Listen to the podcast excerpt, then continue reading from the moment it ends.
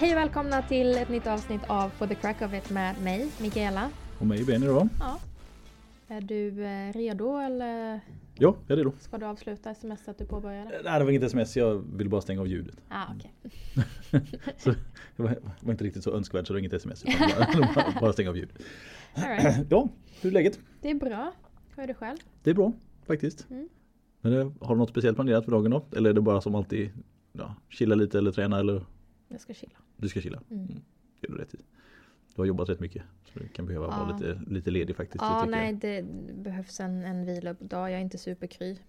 Mm. Eh, Så vi får, får ta det som det är. Ja men alltså bingea någon liten serie eller något sånt där. Det är inte fel. ja, Bara men lite så. Ta det lite lugnt. Exakt så. Man, man ska inte underskatta liksom så här soft chill. Det, är- det, är, det är rätt bra faktiskt. Mm. Det, det behövs ibland. Mm. Ja, jag, jag tycker det är trevligt. Man Synd man får det. så jävla ont i ryggen av det. Ja, det är faktiskt inaktiviteten suger lite så här. Ja.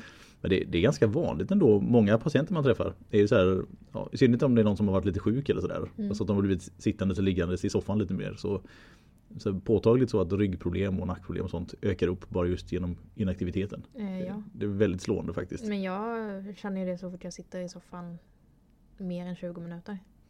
Så går jag ju som en tant när jag reser mig. Så du får alltid kolla på så här korta serier. Så här nej nej, jag sitter kvar. Ja precis, ja, precis Tills bara, jag rullar iväg. Ja precis, tills det är en så här total manifestering av stelhet. bara-. Mm. Jag bara väljer att inte hämta grejer i köket. För när jag sitter, då sitter jag. Ja precis, då, då, ja, precis du, du är rotad här. Det, är där, det är så det är. Då, Mm. då, är, man, då är man fast. Mm. fast. Mm. På samma sätt när jag är sjuk så brukar jag ta och hämta tä- täcket. Mm. Och så bäddar jag ner mig. Ja, och så, så det. rör jag mig inte från soffan. För att jag har en väldigt fin TV. ja, det var en väldigt fin tv, det stämmer. Eh, så då vill man ju utnyttja den. Ja, förstår jag. Eh, Så då, då är jag ju i soffan i, så här, tills jag känner mig kry nog att röra på mig. mm. Så det kan vara flera dagar då alltså. Det kan vara flera dagar. Det kan också bara vara så här, sex timmar. För Mm. jag, jag har en sån här grej att när jag är sjuk så vill jag när jag känner att jag kan så vill jag vara i rörelse. Mm. Och inte så här typ spring intervaller. Nej, alltså, alltså.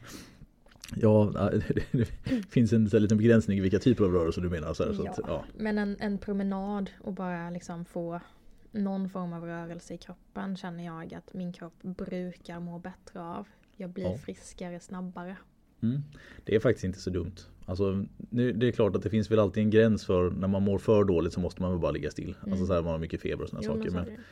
lyckas man bara få ner febern lite så är det ju inte så dumt att vara, vara röra på sig lite grann. Nej. Alltså, det, det, är- det är rätt otroligt när man tittar på statistiken för hur det ser ut för med, med vissa typer av sjukdomar. Så här, typ, ja men ligg still åtta veckor. Alltså, så här, Ja. alltså Man rekommendationerna. bara såhär bed sores. ja typ. För då, då hade de ju Förstå smärtan Jag i kommer- kroppen. Jag, tänker, jag tittade på någon dokumentärserie för ett tag sedan med, med min son. Då, Världens värsta sjukdomar de hette på, på SVT. Så Mm. Han tyckte det var lite, lite spännande att titta på så här, spanska sjukan och såna hemska saker som fanns förr. Och då, Var det värst? nej, alltså digerdöden är väl det som är liksom, ja, det som klassas värst. Men då, då var de tio värsta det i alla handlar fall. väl mer om pandemi eh, aspekten av det. Ja, alltså det, det de tittar på här var ju egentligen hur många som påverkades och hur många som Ja, dog och sådär. mm, mm. Sen är det klart att ja, ebola är ju ingen hit. Alltså överlag men det kanske inte drabbar hela världen. om Ingen man säger, nej, nej, nej precis. Men alltså det här var ju sett till hur det har påverkat populationen lite Ja, grann. okej, ja. Så det var det. Sen var lite otippat så fanns karies med. Faktiskt, det, det tror man inte. Fast den tror jag mer på. Som riktigt hemsk. För att, men, men jag har ju en grej för tänder. ja, det, det är lite freaky. Det Ja, och, och så här, var, Så fort man tittar på någon så här typ NCIS eller Law and Order eller någon, någonting. Något där de sådär, har ja. någon form av, du vet såhär töntig sån Ja. Där de har någon form av eh, tortyrscen. Ja, precis. Jag klarar slagen, jag klarar cutten, jag klarar så här typ, ja men man nyper och, och så här bränner i huden. Men så fort någon tar fram en tång Ja, precis. Bara, och för- så här typ antingen tänder eller naglar. Ja, Ah, så... mm.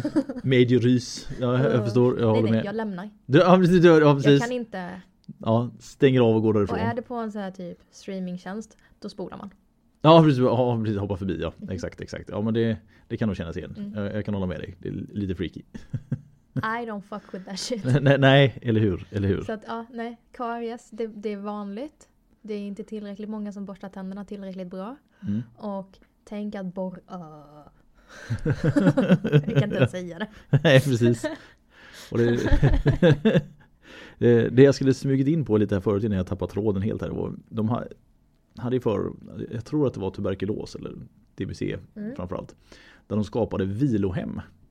Mhm. Alltså att man hamnade på ett ställe där du skulle ligga då i sängen 6 till 8 veckor. Helst inte prata utan bara ligga i sängen. För att liksom ta igen dig. Ja,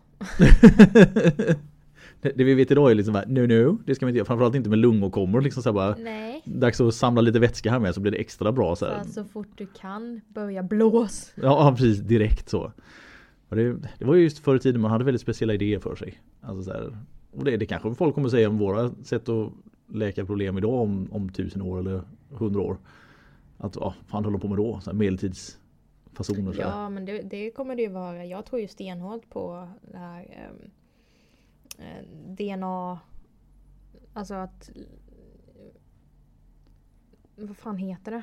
det? Det är ju så att man kan, man kan spåra inte bara genetiska sjukdomar utan att man liksom kan bryta ner virus eller bakteriers DNA. ja, och sen eh, på, med hjälp av det kunna eh, attackera på Mm. bästa möjliga sätt. Ja, precis. Ja, men det, det är jag kommer faktiskt inte ihåg spännande. vad det heter nu. Och Nej. jag är inte superinsatt. mm, För att jag tycker bättre om kroppen ja, än virus. Alltså, vi är ju inte liksom så här medicinskt orienterade på det viset. Så Nej. bakteriella saker, Nej, det jobbar vi inte så ofta med. men, men jag tror att det kommer ju vara framtiden när man väl eh, liksom optimerar det och, och perfek perfektionerar. När man perfektionerar det. vi- Perfekterar. vi, vi, ja, vi, det, det var rätt så roligt men vi, när man perfektionerar det, vi använder det, vi, det vi, vi tar det som uttryck. När man, när, Men vad heter det då? Du bara skrattar åt mig, du kan inte säga vad det heter. Nej jag kan säga, jag bara, jag bara skrattar. Perfektionera, jag tyckte, det var, jag tyckte det var ett roligt uttryck faktiskt. Okej, så, jag, jag är fast i det ordet nu för nu kan jag inte ens säga vad som är rätt. nej. Du perfektionerar så här. Shame on you om det stämmer. Tänk om det är grammatiskt rätt. Kanske är det, perfektionera. Ja. Det får vara våran eh, lilla, vi, vi har det som en undersökande grej till nästa episod. Vi ska ta reda på, är perfektionera rätt eller fel? Rätt böjning. Ja, precis. Perfektionera sig, ja. Jag måste skriva vad. Ehm, Ja, nej men så att jag tror att det är framtiden och då Mm. kommer ju all form av så här, generell eh, antibiotika och vila och fysioterapi och sånt vara ute. Ja. Det, det, det finns ju en risk för det Mm. faktiskt. Och då kommer, dels kommer undersökningen gå mycket snabbare Mm. eh, och dels kommer återhämtningen bli mycket kortare. Ja, för Så- ingreppen kommer ju bli snällare. Exakt. Alltså så överlag så. Exakt. Så att jag tror, det, det, självklart kommer vår era klassas som medeltiden Ja så precis. småningom. Man, man kan ju se det lite på... Sen tycker jag ju så här, för, vissa koncept är väl dumma att lämna. Ja. Att jag backa tre varv runt en ek. Ja precis. Klä dig i rött, kryp mellan benen på en någon Det baklänges. funkar, jag menar. Det är riktigt så här 1600-talsmedicin. Och sen, ja, ska vi åderlåta lite mer sen på slutet. Så här. Sitter och blir lite Töm! Ja precis, tömma lite. Ja nu, nu är du blek och bra. Där var det. Så, så, så, härligt This anemisk. was also the before picture. ja precis verkligen. Så här, picture of health liksom. Oh, ser de och så yr i hörnet och är blek. Så här, bara, ja, perfekt. Nu är skiten ute. Ja, det Ja. hade ju på riktigt varit, varit samma bild av mig så här före och efter. Ja, ja, Anemiskt. ja precis. Ja, du, du är ju lite lätt anemisk. Ja. Så, här, så du, du har alltid den där lätt dödliga blekheten. Lethal paleness. Så, Ska ja. du säga. Ja, sig, ja, jag, jag kan inte ens skylla på stenhus, glashus. Ja, verkligen så här. Ja, jag, jag ligger rätt högt på den här blekhetsskalan ska man säga. Och jag har ju inte ens någon blodbrist utan jag är ju bara typ blek. Alltså- kan inte ens skylla på någonting. Nej, nej precis det bara är så, så, här, så här, White guy dictionary där står jag liksom så här, så. Nej men du står inte ens där, du syns inte på det vita pappret. Man är som en extra vit fläck på det vita pappret. Ja, det ser, det ser. Det är hemskt, hemskt, hemskt. Ja, så roliga samtalsämnen. Ja, nej, men just det här med DNA sekvensering eller så här, när man liksom bryter Mm. ner. Så heter det, Ja. tror jag. Ja, men alltså man, man kollar ju på DNA-sekvenser och så Mm. bryter man ner dem och ser deras. Alltså det är ju att titta på de minsta beståndsdelarna vi har i kroppen egentligen. Hur, hur det är uppbyggt och vad som händer. Jag, jag, jag tror att mycket kan ligga i det också. Just framförallt diagnostiskt sett. Mm. Och sen tittar man lite på vissa typer av Alltså, i, i synnerhet eh, mediciner vid cancerbehandlingar och sånt där. Mm. Har de lyckats få de medicinerna idag att vara betydligt mer alltså, effektiva. Att de liksom träffar mycket just kring tumörerna i sig. Mm. Alltså att de blir effektiva där. Men kanske att resten av kroppen mår lite bättre. Mm. Även om det fortfarande är jävligt giftigt det man stoppar i sig. Självklart och ja, För det, Ja. för det är likadant om, nu, cancer alltså. alltså den här mRNA-tekniken och sånt som de använder nu i de nya sprutorna för covid här till exempel. Mm. Det den appliceringen skulle ju vara att man ska försöka få fram vaccin där man har riktat mot just cancersorter. Så att om man blir diagnostiserad med en viss cancer så ska man alltså kunna ha en, en spruta man tar som att man vaccinerar sig emot det. Så att det då Mm. angriper själva ja, Så att man cancercellerna i sig. minskar risken för eh, det maligna liksom. Ja precis, så att inte bara det här att, för nu finns det ju sprutor man kan ta för att man ska minska alltså, Men livmoderhalscancer ja, och sådana e- saker. e- exakt. För då, men det, det är ju liksom det är för jag i eh, rätt ålder för att jobba med. Ja precis. Men att det här då ska vara att man ska kunna ta det. det. Just att man inte bara behöver ta det i förebyggande sy- syfte utan man alltså kan ta det i behandlande syfte. Alltså så att Mm. man liksom Du behandlar själva tumören med just att Men för det har jag tänkt. Alltså, och så här, det beror ju väldigt mycket på hur välutvecklad tumören är såklart i Mm. mitt huvud. ja jo givetvis. För jag har ju svårt att se att man kan spruta in någonting i någonting man inte ser. Ja. Men jag har alltid varit så här, om man har en, en aktiv tumör, alltså där man liksom har en knöl, om man säger. Mm. Det borde ju teoretiskt gå att bara spruta in i den. Ja typ ge den en spruta med skit liksom. Eller så Ja här. men precis. Ja, Så här, lokalt bara die! ja precis, så headshot. Liksom Exakt. så, ja. Jag har ju svårt att se att man måste, alltså så här, och det beror ju självklart på hur, hur långt cellprocessen har gått och Givetvis. om lymfsystemet har blivit angripet för att då har vi ju spridningen på ett helt annat sätt. Ja, Såklart. Men jag tänker om det är isolerat. Du kan ju fortfarande ha en malign tumör som är isolerad. Mm. Som du hittar. ja alltså är den isolerad så bör ju det vara det bästa. Exakt. Egentligen. Men jag vet inte om man gör det. Jag tror inte det. Jag, Jag, har inte det, läst någonting om det. nej, men det, jag tror det har lite att göra också med att Jag utgår från att eh, doktorerna vet bättre än vad jag gör i det här fallet. Och att de Annars blir vi väldigt rädda om det än vi gör. För nu är det väldigt så här spekulera mera här, alltså hur det egentligen funkar. För inget av oss har ju genomgått någon cancerbehandling överhuvudtaget. Nej jag Som- känner en som- hel del som har det. Men Ja. Man vet ju bara att de har fått liksom, ont liksom. ja, man vet ju bara att de har fått medicinerna så här. Mm. Exakt hur, de, hur just den medicinen verkar och sådär. Jag har läst några forskningsrapporter bara om vissa. Men det är inte, jag har inte följt hela forsk, alltså forskarserien kring det utan det är bara att man har läst någon artikel när man hittat Mm. att ja, intressant och så läser man lite grann. Mm. Men det är inte så att man är totalt insatt i ämnet bara för att man läst en artikel heller. Nej och jag tycker cancer har också lite det här. Jag vill nästan inte läsa om det för att Nej. Heebie-jeebies. Ja, alltså jag tror att vi alla har en tendens att bli en gnutta hypokondriska om man läser för mycket om saker som man kanske inte har men som man helst inte vill få. Nej, men alltså, jag är ju övertygad om att jag kommer dö av antingen en Mm. trafikolycka Okej. som jag själv orsakar. Ja, vi har precis egenförvållad så ja, okej. Mm. Kör ut i skogen liksom så här. Ja. Eh, alltså att jag kommer köra ihjäl mig eller någonting, jag vet inte. Men ja, antingen det eller så dör jag av en hjärntumör. Ah, okej, så det är de Det är väldigt ljusa alternativ så här, bo- både och i framtiden. Ja men death is death. Ja, precis. Antingen tumör eller trafikolycka. Okej. Men jag tror inte jag kommer dö av att jag blir gammal liksom. Du har inte den bilden framför dig. Nej. 95-åriga Mickis liksom. 95? Ja. Nej. Nej.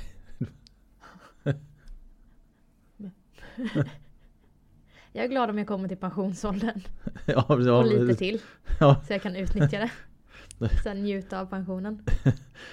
bara slog mig, jag hade en, eh, en träningskompis i, i Stockholm, eller träningsbekant ska jag säga i Stockholm. Han, var, Mm. han gick runt och tränade på massa olika gym där uppe. Och han var, han, han hette Anders. Mm. Hette han.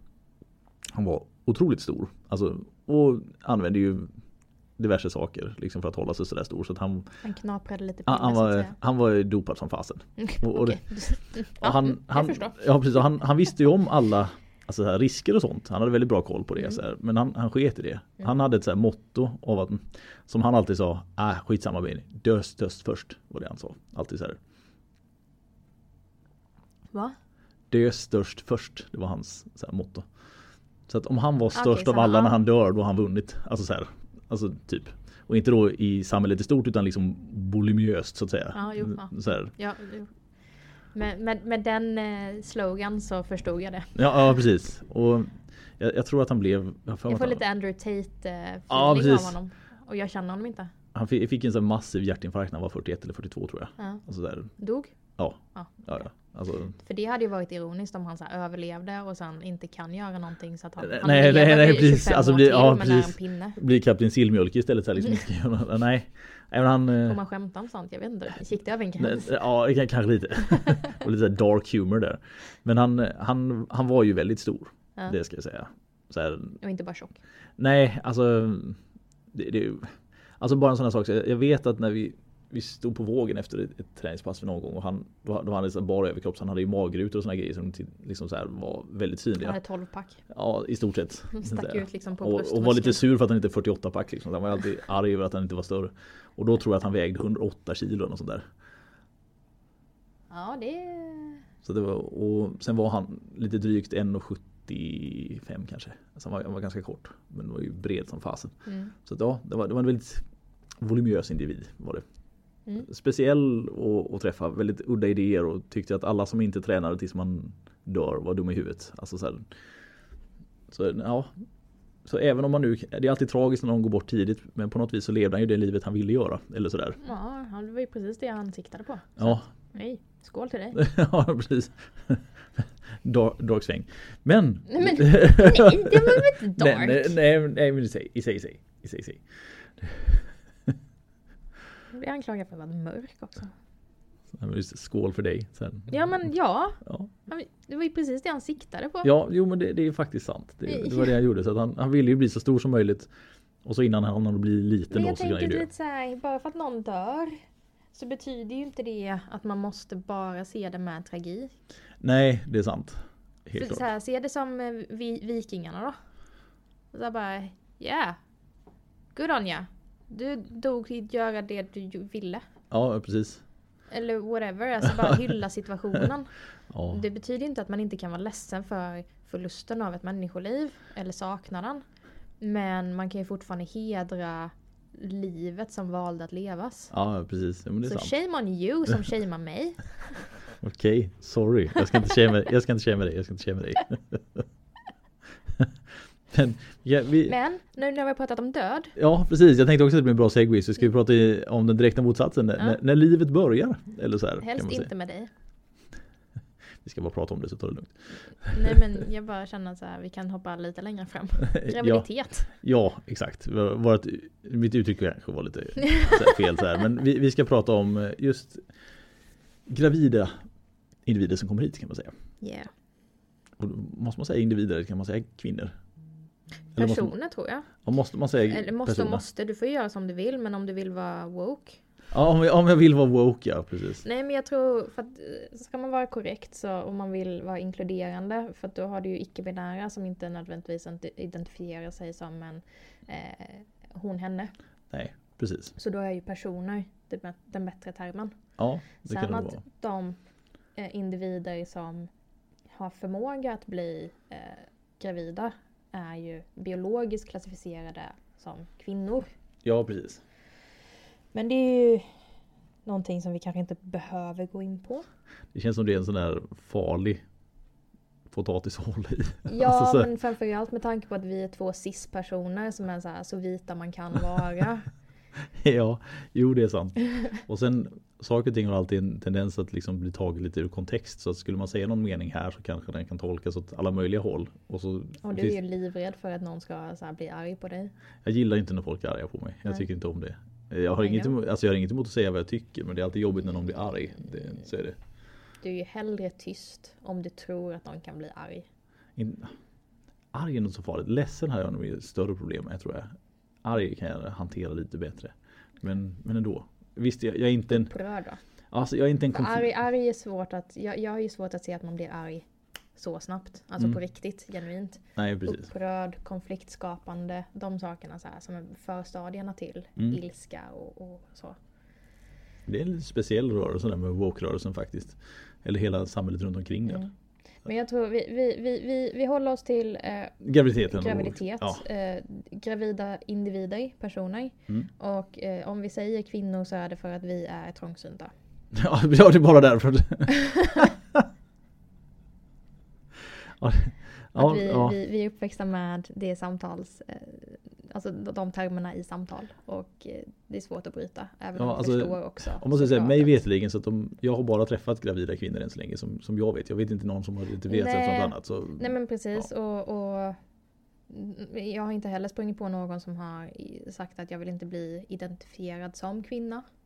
Eh, Men jag vet ju också att det finns ju transmän ja. som fortfarande har kvar livmoder och teoretiskt sett kan bli gravida. Och det har Mm. ju skett historiskt eh, i världen. Jag har inte sprungit på det själv. Nej. Men av den anledningen så försöker vi hålla det lite PK. Ja. Men Men precis, tillbaka. Så, ja. Ehm, graviditet är ju någonting som vi inte jätteofta får frågor om. Men eh, just i behandlingssynpunkt.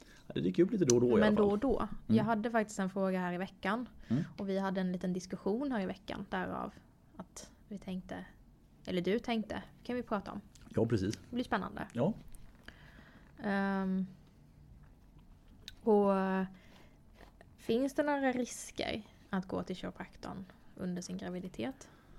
Alltså så här, tittar man rent forskningsmässigt så, här, så finns det ju ingenting som bevisligen säger att det skulle vara farligt att komma hit. Nej. Och med det sagt så alla situationer just, just graviditeter i sig är ju lite av en riskfylld situation för, för alla. Alltså saker kan ju hända. Mm. Alltså sådär, inte bara just i behandlingshänseende utan Alltså det, bevisligen så händer det ju lite missfall då och då. Alltså Mm. i världen överlag. Sådär. Så att bara just tack vare det så får man ju en, alltså man, en liten, kanske lite försiktighetstänk så här ibland. Ja, och framförallt individer som har svårt dels att eh, bli gravida Ja, från precis. start. Mm. Och folk som drabbas av ett missfall, Ja, precis. eller flera. Mm. ehm, blir ju ofta eh, lite oroliga. Ja, det- men det är väl förståeligt faktiskt. Ja, och, Och det- framförallt om man längtar efter Ja, alltså har, har det liksom i stort sett tagit upp hela din aktiva tid de senaste åren att bara försöka lyckas bli gravid med olika undersökningar och Mm. behandlingar och dylikt så här, och så lyckas det. mm. Det är klart fasen att du är väldigt nervös att någonting ska hända för att det ska bli fel. Det, det förstår man ju. Exakt. Men jag tror, för att som du säger, det finns ju inga bevis eller någon forskning som tyder på att det skulle vara en risk att gå till kiropraktorn. Men olika myndigheter har ändå sagt och om man läser på eh, typ 1177 i olika regioner och sådana saker så avråder de kiropraktisk eh, eller naprapatisk behandling Mm. i första trimestern. Precis. Och jag har inte riktigt kunnat hitta eller förstå anledningen till det. Annat än att just efter första 12, alltså efter det har gått 12 veckor i graviditeten så har du en ökad risk för miss, missfall. Punkt. Ja, du, du menar innan? Ja, precis. Förlåt, förlåt, förlåt, förlåt, förlåt. Ja, precis. Innan. Ja. innan. Ehm, så att vecka 0 till 12 Det är då de flesta missfallen sker. Exakt. Alltså så är det ju. Eh, Och att man av den anledningen då tycker att det är onödigt att utsätta sig för onödig belastning. Ja, precis. Ur mitt perspektiv, Mm. framförallt om man vet att man är gravid, så finns det ju noll risk att gå till mig. För hade du fått missfall av, en ho- alltså av att gå till mig, då hade du fått det av om du fick en, en fast kram också. Ja, det, det är faktiskt sant. Det är sant. Med det sagt så ska man ju inte eh, underminera oron hos eh, blivande föräldrar. Jag, jag, jag och det tror... är ju helt och hållet på den personens eh, bekvämlighetsgrad. Jag tror mycket kan ligga i det faktiskt. Att om, säg att det kommer en gravid person hit. Alltså så att det då om du är väldigt, väldigt rädd för vad det här eventuellt ska kunna göra för skada. Mm. Så tror jag din stress över det nästan är mer alltså skadligt för situationen än själva behandlingen i sig. Mm. Och då, då blir det nästan som man kan uppfylla sin egen profetia på något vis. Mm, Alltså att man, mm. ja, du mår så dåligt över att du behöver gå dit så att ja, någonting dumt kan hända. Va? Mm. För det, det vet man ju också att stress på ett negativt sätt är ju inte bra det heller. Nej, nej, nej. Och framförallt inte långvarig. Och kortisolnivåerna, det, det är ju bortstötande. Mm. Eh, tyvärr.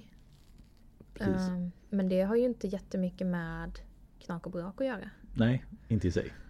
Ehm, och jag vet att en del kvinnor, jag hade ju den här konversationen som sagt med en patient över mail nu i veckan. Mm. Ehm, som valde att återkomma när hon gått in i andra trimestern. Mm. Jajamän. 100% på hennes sida.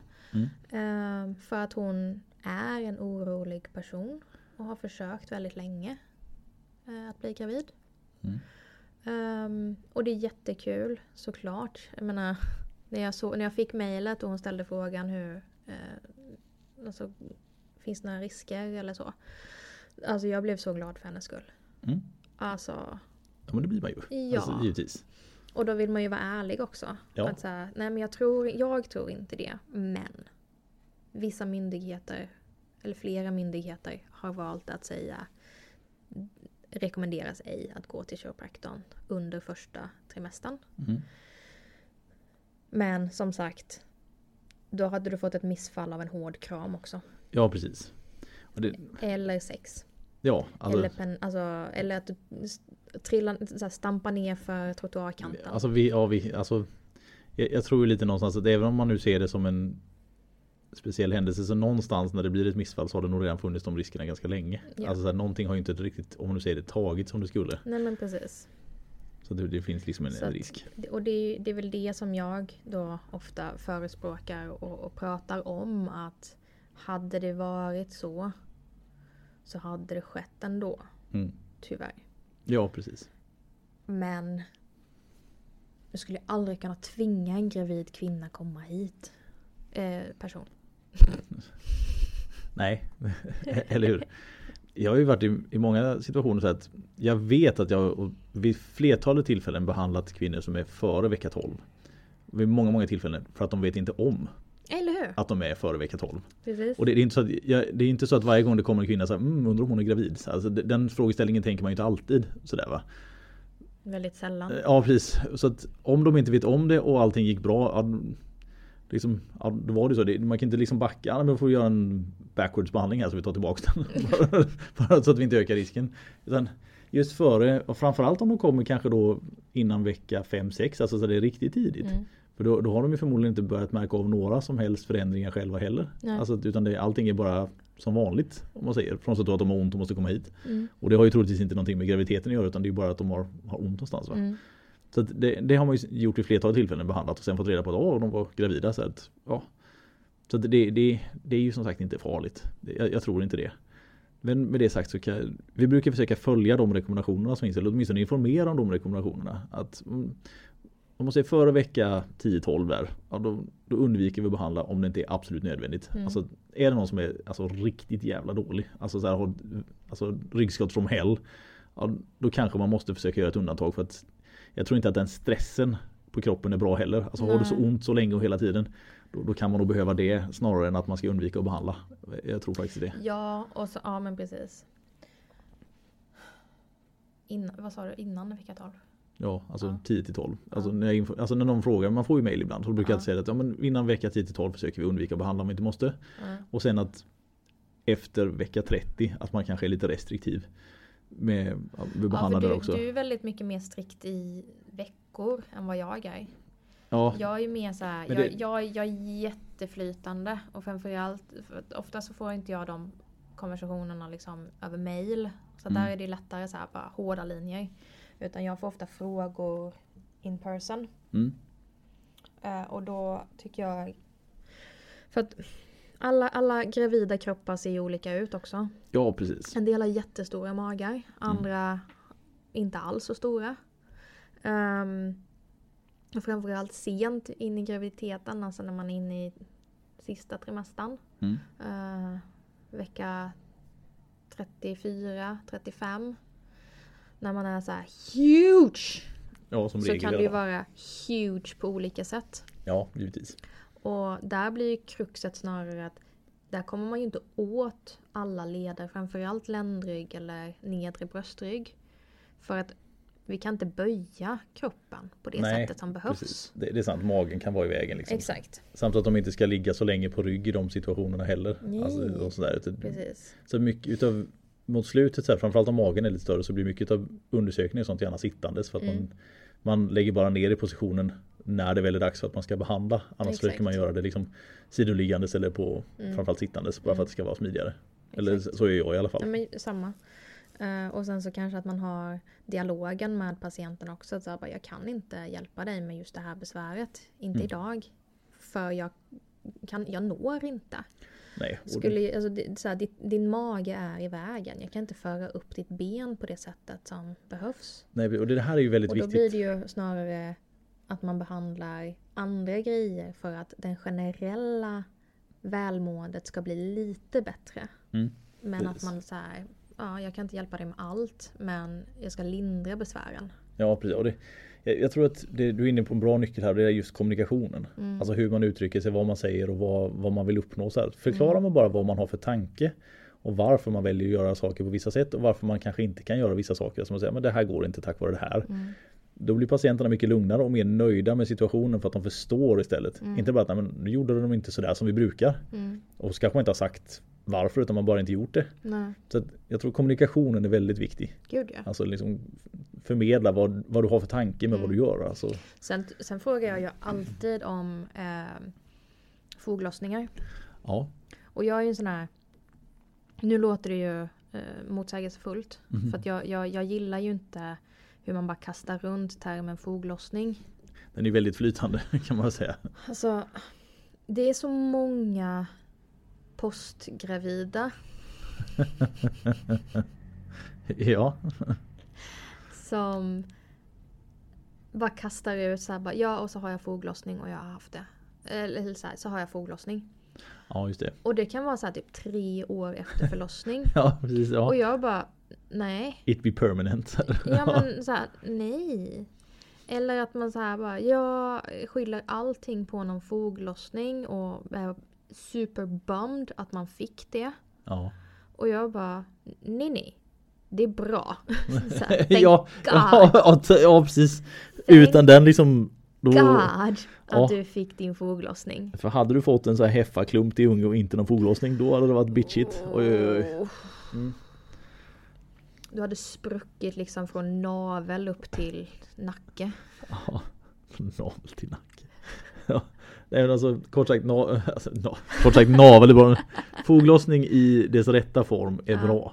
Ja men det Så det. suger ju när den kommer för tidigt. Och, men men jag, det, jag frågar alltid om det också. Så här, hur är det med foglossningarna? Hur, hur långt? Och, och vad jag egentligen är nyfiken på i det läget är ju mängden relaxin som Mm. kroppen eh, framför mig producerar. Ja. Och relaxin är ju eh, ett hormon som, som eh, utsöndras ehm, i kroppen under graviditeten och framförallt då under den senare delen av graviditeten. Kommer verkligen igång Som- där när man närmar sig sista trimestern där. Exakt, exakt. Som har till syfte att göra en mer relaxerad, Mm, ja precis. gummiaktig. Man har inte samma stabilitet. Nej. Ehm, och det, gör, det är det som gör att fogarna, framförallt då i bäckenet, lossar. Blir Så mer fogliga liksom. Exakt.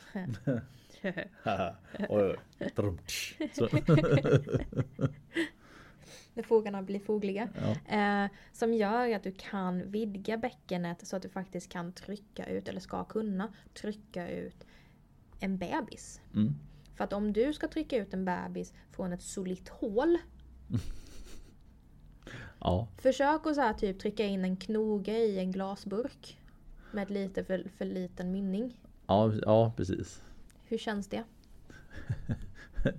Inget vidare. Nej. Nej. Men. Säg att du har ett Pringles-rör. Som inte har eh, metall eller, eller så här det fasta. Utan att det är lite rörligare. Mm. Du har liksom mer kartong liknande. Då går det lite lättare att nå de där chipsen. Ja. Det är en bra analogi. Ja, ja, väldigt des- deskriptiv eller vad säger man så här, beskrivande. Alltså, Ska bli spännande att se vad vi sätter för så här, typ eh, headline från den här episoden. Så här. Från graviditet till Pringles. Liksom. Eller vad det nu kan vara. Så, ja. jag, jag tror det är trademarked. Ja, det, ja, det, Bestämd ja, precis. Nej, det är inte så många som lyssnar. Nej, vi kan nog klara oss. Men vi, ja, det sitter någon Pringles CEO någonstans som så här. Ja, i alla fall.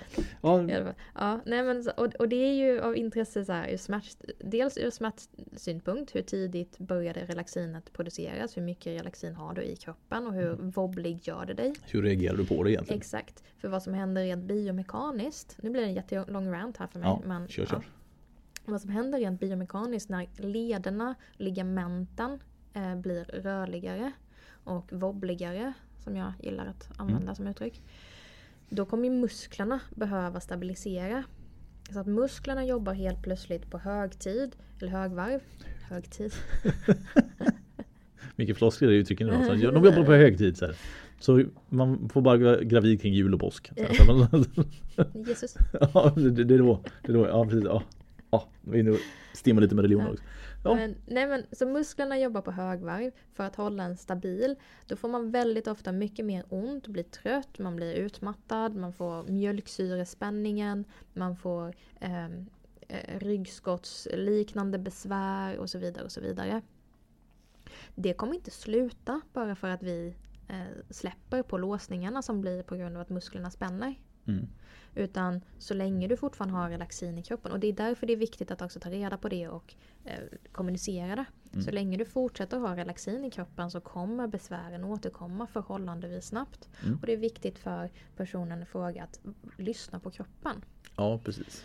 Och kommer personen som gravid då är det extra viktigt tycker jag att informera om att du kommer fortsätta producera relaxin under tiden du ammar. Mm. Eh, för att så länge du, eh, du, du tillverkar mjölk, Ja. så kan vi säga. tillverkar kändes fel men ja, men det, ja, alla förstår vad jag menar.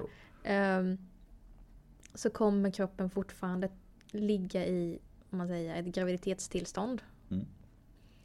Eh, för att den känner inte skillnaden före och efter förlossning i det nej, läget. nej, det är inte så att du har en, nära. kallan, ja, alltså kalender på det viset. Nej, så här, men liksom precis. Nu är det stopp så. Och det kommer fortsätta att göra dig lite wobblig fram tills du slutar amma och kroppen Mm. stabiliserar sina hormon, eh, hormonnivåer. Och även hormonnivåer är ju sånt som det har en utfasningstid. Ja, Så det är, inte, precis. det är inte som en nervsignal som bara Men det är det jag menar att det stabiliseras också. Mm. Ehm, och det är därför det är viktigt att ha det, tycker jag i alla fall, att ha den kommunikationen i vad är det som händer i din kropp, varför och varför ska du inte förvänta dig att så här, one and done, jag knakar dig nu och du kommer aldrig mer ha ont. Nej precis. För att inte nog med de, den hormonella obalansen som finns i kroppen. Du kommer dessutom ha ett litet knyte Mm. som kommer leva på dig. Ja precis. Du kommer liksom inte vara din egna person på ett tag nu. Nej exakt. Och det är jättejobbigt och fantastiskt på en och samma gång. Mm. Men det kommer ta på kroppen. Det är det. Vi har ju ett uttryck som vi ofta använder här att skaffa barn är bra för själen men sämre för kroppen. Alltså så här, Ja, det är du som använder det. ja, men det, men det, mycket Jag brukar ju. säga att det är, det är ett mirakel och ett trauma. ja precis. Och det är alltså Det finns ju en liten så här tro många gånger att alla graviditeter är liksom så här problemfria, jättetrevliga och allting bara man dansar Men som på tror moln. man det längre? Har Jag- vi inte jag tror stuckit fort- hål på den? Nej, man har inte det. För man, man tror fortfarande att det ska vara så jättemysigt hela tiden. Och det kan vara mysigt många stunder men det är också ganska jobbigt. Okej. Alltså så här, överlag. Ja men det är jättejobbigt. Och jag tror att det Alltså kan säger vara... jag som att jag har varit gravid. Nej, Nej. det har jag inte. Ehm, men jag växte upp med många barn. Ja, precis, ja, precis det stora släktträdet. Men jag, jag tror att vi alla har generellt ett problem med det att saker och ting tas som att det ska vara att det ska vara lätt. Mm. Och det, allting är inte lätt. Och med det sagt så behöver Nej, inte... Det gud betyder, nej. Vet du vad jag växte upp med för eh, analogi för eh, förlossning, alltså vaginal förlossning? Jag tar din tystnad som ett nej. Ja, nej, ja, jag, jag, jag bara väntar på så här droppen av vad du ska säga. Så. Jag fick eh, alltid höra att, att föda, det är som att klämma en finne. Det är så här en riktigt hård, djup finne som bara Ah, det gör så ont och sen så släpper med trycket. Ja, Och så bara ah, Ja, Okej, ja. Den- liknelsen har jag aldrig hört innan faktiskt. Nej, det är Angelica Dahl. Ja. Och sen så föddes min... Spoken word. Så, Ja, mm. så födde min moster hennes första barn. Och vi åkte, hon bodde i Göteborg, eller bor fortfarande där. Och vi åkte upp och så här, skulle hälsa på bebis och gratulera och typ klappa och lukta på nyfött barn. ja, precis. Som man gör. Mm. Och Nattan, min, min moster, så här, drog in mig på toaletten. Tittade på mig med lite så här typ dåligt fokus. ja, precis. Det var lite så här halvt borta så. Ja Ja, men så här typ Grace, min kusin var väl så här typ ett dygn på sin höjd. Och Nattan hade ju inte sovit på fem. nej, nej, precis. Så, så hon tittade på mig med så här full fylleblicken och bara glöm finnen. Det är som att bajsa ut ett bowlingklot. och jag bara Holy fuck! Det är det de ska vara med i alla sådana här, vad heter det, typ preventivmedels-ads liksom. Så bara, avskräcker som inget annat. Bara, ja. Jag eh, har ju inte varit supersugen på barn. Nej, nej precis. Jag har faktiskt hört en liknande så Babben Larsson, den komikern sa vid någon, något uppträdande någon gång att föda barn var som att skita ut en soffgrupp eller något sånt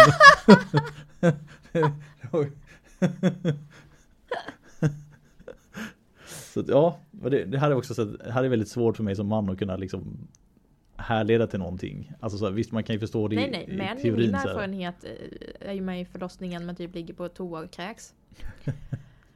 Det är de historierna jag har hört. Ja precis, nej, nej jag låg inte på toa och kräktes, det gjorde jag inte. Så här, när, när våran son föddes. Jag var med under hela de 36 timmarna som det tog innan han... Men nu, nu har vi varit ute och svirat här lite igen. Vi kommer tillbaka till graviditeten i sig. Ja, just det. Och vi, som sagt, vi behandlar ju i alla delar egentligen, men vi försöker att vara lite restriktiva när man vet om just hur situationen ser ut. Mm. Alltså från fall till fall. Mm. Och sen har man ju en viss typ av lite likt standardinformation som man ger om någon hör av sig. Att, ja, men de här veckorna brukar vi försöka undvika om det inte behövs. För det, det är svårt att ge ett 100% rätt svar när man inte har träffat någon. Så, det det. så att om någon hör av sig, alltså med en fråga, det händer ju lite då och då. Mm. Att ja, behandlar ni si och så här.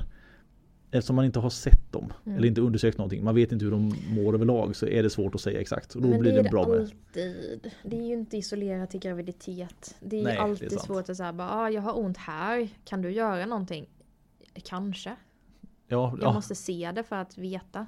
ja. Och det, alltså, det här blir lite slående. Vi var nere på Skåres här innan och köpte Ja, fika. exakt nu.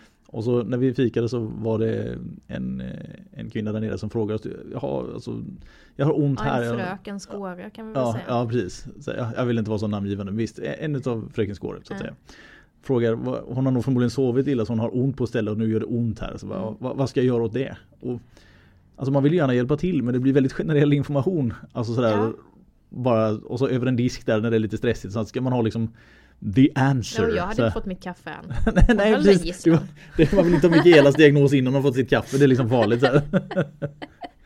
Och hela den situationen är att information Vissa människor tror att den informationen de delger är Alltså så spot on för att de har all information i sitt huvud. Mm. Så att de tänker inte på att det som förmedlas ut är lite bristfälligt. Nej men det handlar vis. ju också om bristen på kunskap. Alltså så här, de ger ju allt de tänker. Ja precis. Men vi tittar ju på så mycket mer. Det är inte bara det man är alltså medveten om. Utan det är ju allting som vi, man är omedveten om också. Sättet man rör sig, sättet man spänner, eh, rörelsemönster, hur rör sig eh, skuldran i förhållande till alltså höger och vänster. Alltså är det någon sidoskillnad? Alltså alla de här sakerna. För Alltså mycket, Och sen så, så här, ja men äter du några värktabletter? Nej. Nej okej, har du testat att äta någon värktablett? Ja. Hjälpte det? Nej, nej okej, ja men bra. Då, då, jag Ja, alltså- använder ju sådana saker också. ja men det, gör man ju. Alltså, det finns ju Som- med i den generella konversationen man har med patienterna. Men, sådär. precis, och, och det är ju sådana saker som, alltså frågeställningar som man inte får svar på för att det tänker man inte på att ge. Nej precis. Utöver då den manuella liksom, undersökningen där vi testar och vi testar och vi känner och vi letar och sådana saker. precis. Så att det handlar ju inte om att man får dålig info. Det handlar ju om att man inte vet Personen man fråga gru- vet inte vilken info som är intressant. Så kan det nog vara. Så kan det vara.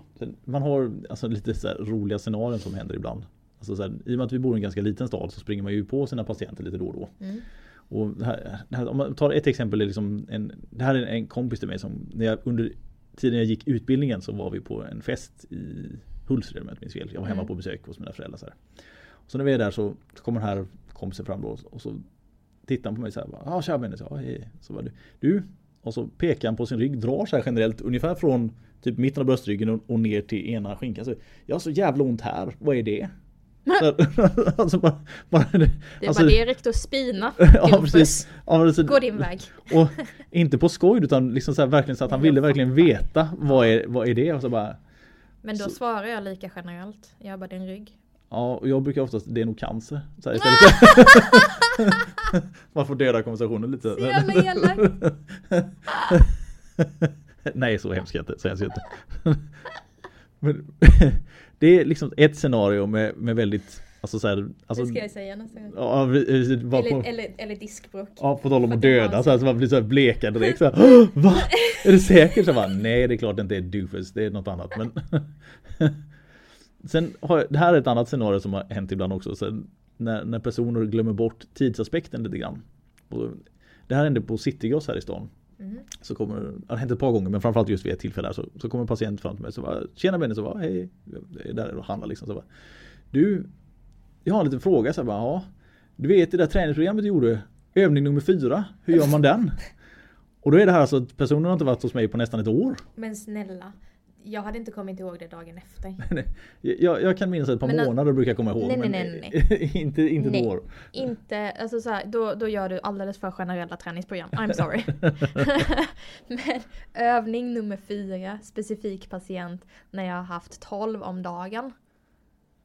Du ser det, det, det är svårt Det är det Alltså komma ihåg men, Nej. men i deras värld så För på något vis så går de tillbaka till att Ungefär som att det här var precis igår Alltså så att jag har Ja. all informationen i huvudet exakt om dem Men du är ju så mycket bättre på att komma ihåg sådana där grejer också. Jag minns ju inte patienter. Nej det kanske du inte gör Nej men alltså jag kan så här. Jag, jag kan läsa namnet och bara Per Lindqvist. Okej. Och sen så går jag ut och bara känner igen dig. Bra, du har varit hos mig tidigare. Det vet jag för att jag läste journalen och det var jag som skrev journalen. Men jag kan fortfarande inte komma ihåg exakt allting. Och sen under tiden vi pratar, då börjar Då kan det liksom komma så och sådär. precis. Ja, och då är det så här, bara, just det, du jobbar med det, du jobbar med ditten, du hade problem med det här, du bytte jobb, just det, så Ja. var det. Och hur, hur går det med hunden? Alltså, sån, Ja, då, då kommer det ikapp. Men jag kan inte se ett namn och ha all info. jag, jag får ju nästan allt Alltså, Okej, skryt. Nej men alltså det, är alltså ett konstigt minne Ja. så, men, ja. Ehm, men en del kan ju också vara så här. Ja ah, men det är det gamla vanliga. Ja, ja, Och så ja, tittar man och bara Sen 2013? ja precis Det är inte vanligt! nej, nej. nej det var ja, precis det var det. Och här är också, här är väldigt viktigt att man får försöka få ner journalen. Man måste vända på frågan där. För det kan ibland vara så att patienten tror att ja men det här är det gamla vanliga. Så här, ja men du har aldrig varit här med det här problemet. Nej. Alltså förra gången du var här var det en axel. Nu är det höften. Eh, Du har aldrig varit här för höftproblem. Så, ja men det är gamla vanliga. Så, nej det är inte gamla vanliga utan nu får vi nog bryta ner det här lite för att gärna beskriva igen. Men de ja, generaliserar informationen lite och tänker att de har träffats innan så att här vet de Alltså, och just det här att bara för att du har ont kring Men- men en höft så, här, ja, så behöver det inte vara samma sak. Nej, och nu, nu byter vi ämne, nu går Ja. vi ifrån graviditeten. Men, Ja. men, men det här kan jag prata om i evigheter för att jag blir så frustrerad. För att bara för att du har ont på samma ställe betyder inte det att det är samma gamla vanliga. Nej, För att det exakt. kan fortfarande vara en ny smärta. Och det är så lätt att låsa sig i att jag har ont i axeln. Ja, Det har jag haft tidigare. Och sen så är man klar där. precis. Och, Man tänker inte så här, nu strålar det inte. nej, precis. Eller nu strålade det, gjorde det inte sist. nej, Den här precis. gången går det upp i nacken. Det gjorde det inte sist. Jag har problem med att ta djupa andetag. Det gjorde det inte då. Alltså att man, man kan inte... Det, det är väldigt sällan det är exakt samma. Precis, och här är det ganska viktigt som terapeut tror jag att man tar till sig det här att inte själv gå in i samma mönster. Att man Mm. tänker att ja, men det här är samma gamla vanliga. Så att man bara för att någonting ser ungefär likadant ut eller att det känns väldigt likt det man har gjort tidigare. Att man Mm. då bara gör samma generaliserade behandlingsgrej som man alltid har gjort. Då är det lätt att missa. Alltså någonting som kanske är något helt annat. Ja men om du generaliserar din behandling så gör du ju fel. I'm sorry. Ja, jo, givetvis. Och nu vet jag att du inte gör det men, men om du lyssnar och tar till dig, ta till dig. Ja, Det, all behandling ska vara individbaserad och situationsbaserad. För god effekt. true word. True word. Det, nu låter jag harsh och Ja. otrevlig. Ja. Men lyssna då. ja, precis. Lyssna då. Så här. Men ja. Så att, ja, fan nu, nu släppte vi Ja, men vi kan, vi kan snurra men- tillbaka dit lite Mm. grann. För, där, för i ett sånt fall, här, där är det extra viktigt med om man nu säger att om en patient kommer in, för det har hänt här, här hos mig några gånger att det kommer in en gravid kvinna eller person som vi sa att vi ska säga. Som säger ja men jag har ont på samma gamla vanliga ställe som, som tidigare. Mm, Men hela förutsättningen är ju annorlunda nu för nu är du gravid. mm. Då kan det vara jättemycket annat alltså, som har påverkat. Och då, då kan man inte bara, så, inte bara lägga upp i samma gamla vanliga upplägg och så, pop, pop, pop, och så ska allting vara bra. Utan man måste ta till sig att verkligen undersöka ordentligt så man inte fastnar där. Ja men det är klart att det är samma SL-justering som vi gjort de tre gångerna tidigare och de varit här. Men gör folk det? nu kan vi, vi, Hörde du den? ja jag hörde den, det var din Vilka där käkar som passade på att hoppa ur led här lite. Ah. Ja, det var en riktig smäll. Jag hoppas det togs Ja. upp på ljud.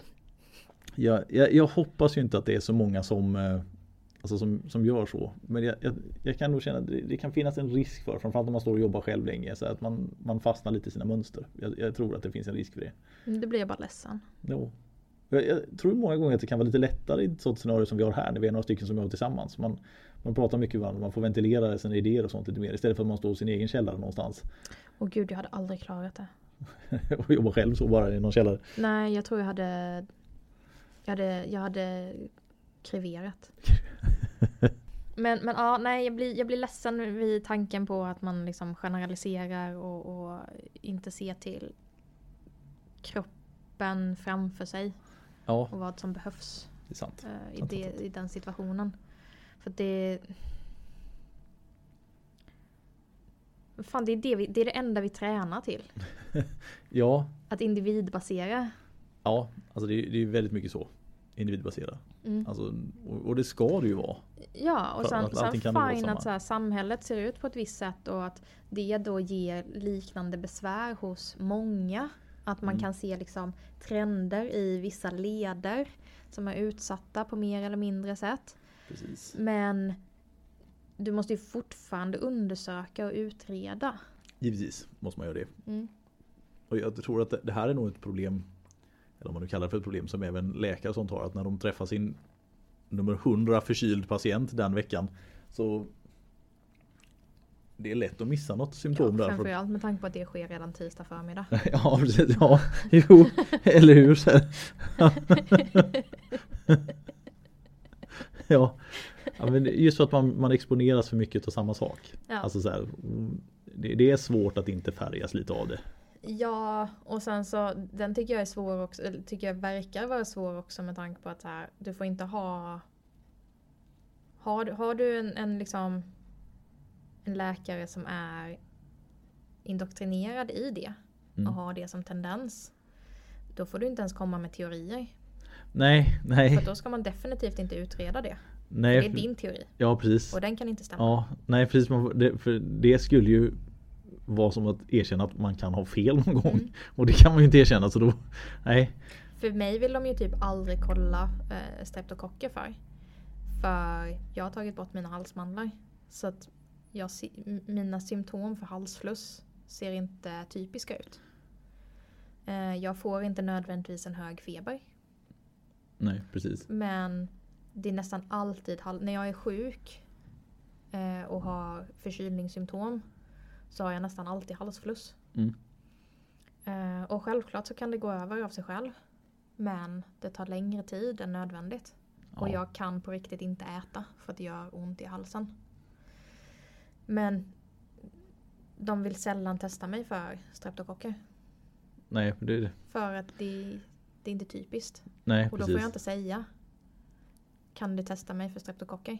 Nej för då, nej, då, För då säger de nej. nej, då blir det en sån här principgrej att då ska du inte testas för det. Nej.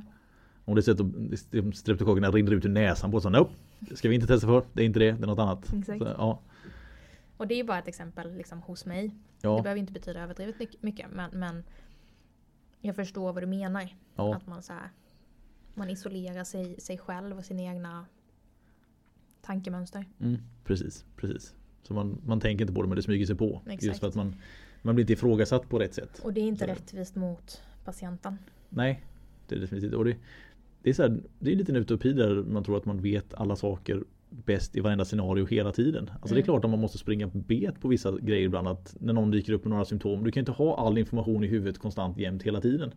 Alltså, ing, alltså ingen vanlig person klarar det. Nej. Utan ibland är det någon som kommer in med symptom eller har någon diagnos eller något sånt där som man Oj, kanske har hört i för- förbifarten någon gång på sin höjd. Mm. Då kan man inte bara veta exakt alla riskfaktorer kring det bara sådär puppa puppa det bara hoppar upp. Utan då får man ju liksom ta sig tid och leta upp det i så fall. Och det är ju inget nederlag. Nej. Men många ser det nästan som det att man måste kunna. Här, på sekunden direkt. Alltså allting. Så det är egentligen viktigt att bara veta var du hittar informationen så det, så det blir bra. Mm. Lite så. Så. Det är bara att göra. Men tror vi vi har täckt eh, graviditeten eller? Ja, jag tror att vi, vi tar en lite på någon episod längre fram och pratar lite grann om det som sker efter graviditeten. Eller lite, vi ska prata lite träning och sånt där tror jag. Mm. Det kunde vara bra att gå igenom lite ja, vilka saker som är generellt bra att träna och lite, ja, lite koll på vad som är för mycket och för lite och vad man ska akta sig lite för. Mm. Så vi, vi tar en, en Du uppföljning är på så det här. jävla restriktiv. Vad sa du? Du är ju så restriktiv. Det är alltid någonting såhär, men det här ska du inte göra. Jag bara kör! Du vill bara ha frivändningar hela tiden. Så det är sådär, Nej. jo, Nej. oj oj oj. Liksom så här, varenda gravid kvinna som går ifrån, "Va, måste man köra crossfit? Ja enligt Mikaela, måste man det? Så. Finns ingen återvändo så här. Men det är bara för att inte jag köra med ett gummiband? Så Nej. det är bara för att jag har en discount code. Ja det är det liksom bara, ja, pure business, pure business. Nej, jag brukar faktiskt, jag, jag eh, rekommenderar ju andra saker. Jag borde ju få så mycket sponsring egentligen med tanke på allt jag rekommenderar. Ja, så här, folk tjänar pengar på mig och jag tjänar ingenting. Du ser dålig marknadsföring. Ja, verkligen. Jag får lösa det helt enkelt. Men det tar vi nästa episod. Ja, nästa, Vi pratar ja. om postgraviditet. Precis, se nästa gång. Det blir bra. Ehm, har ni några frågor eller tycker att någonting var otydligt här? Ja, i vanlig ordning så. Så får ni jättegärna höra av er. Vi finns på Växjö kiropraktorklinik. Jag finns på eh, Kiropraktor Mickis. Och jag på Kiro Bempa då. Jajamän. Vi finns fortfarande på TikTok också. Ja, än så länge. Och eh, ja. Ska vi ta och trycka en tårta till eller? Det blir nog någon liten slice här i eftermiddag i alla fall, det skulle jag tro. Gött. Gött. Jag hoppas att eh, ni andra har en fortsatt trevlig dag när ni nu lyssnar på det här. Och Precis. eh, så hörs vi nästa vecka. Ciao! Hej!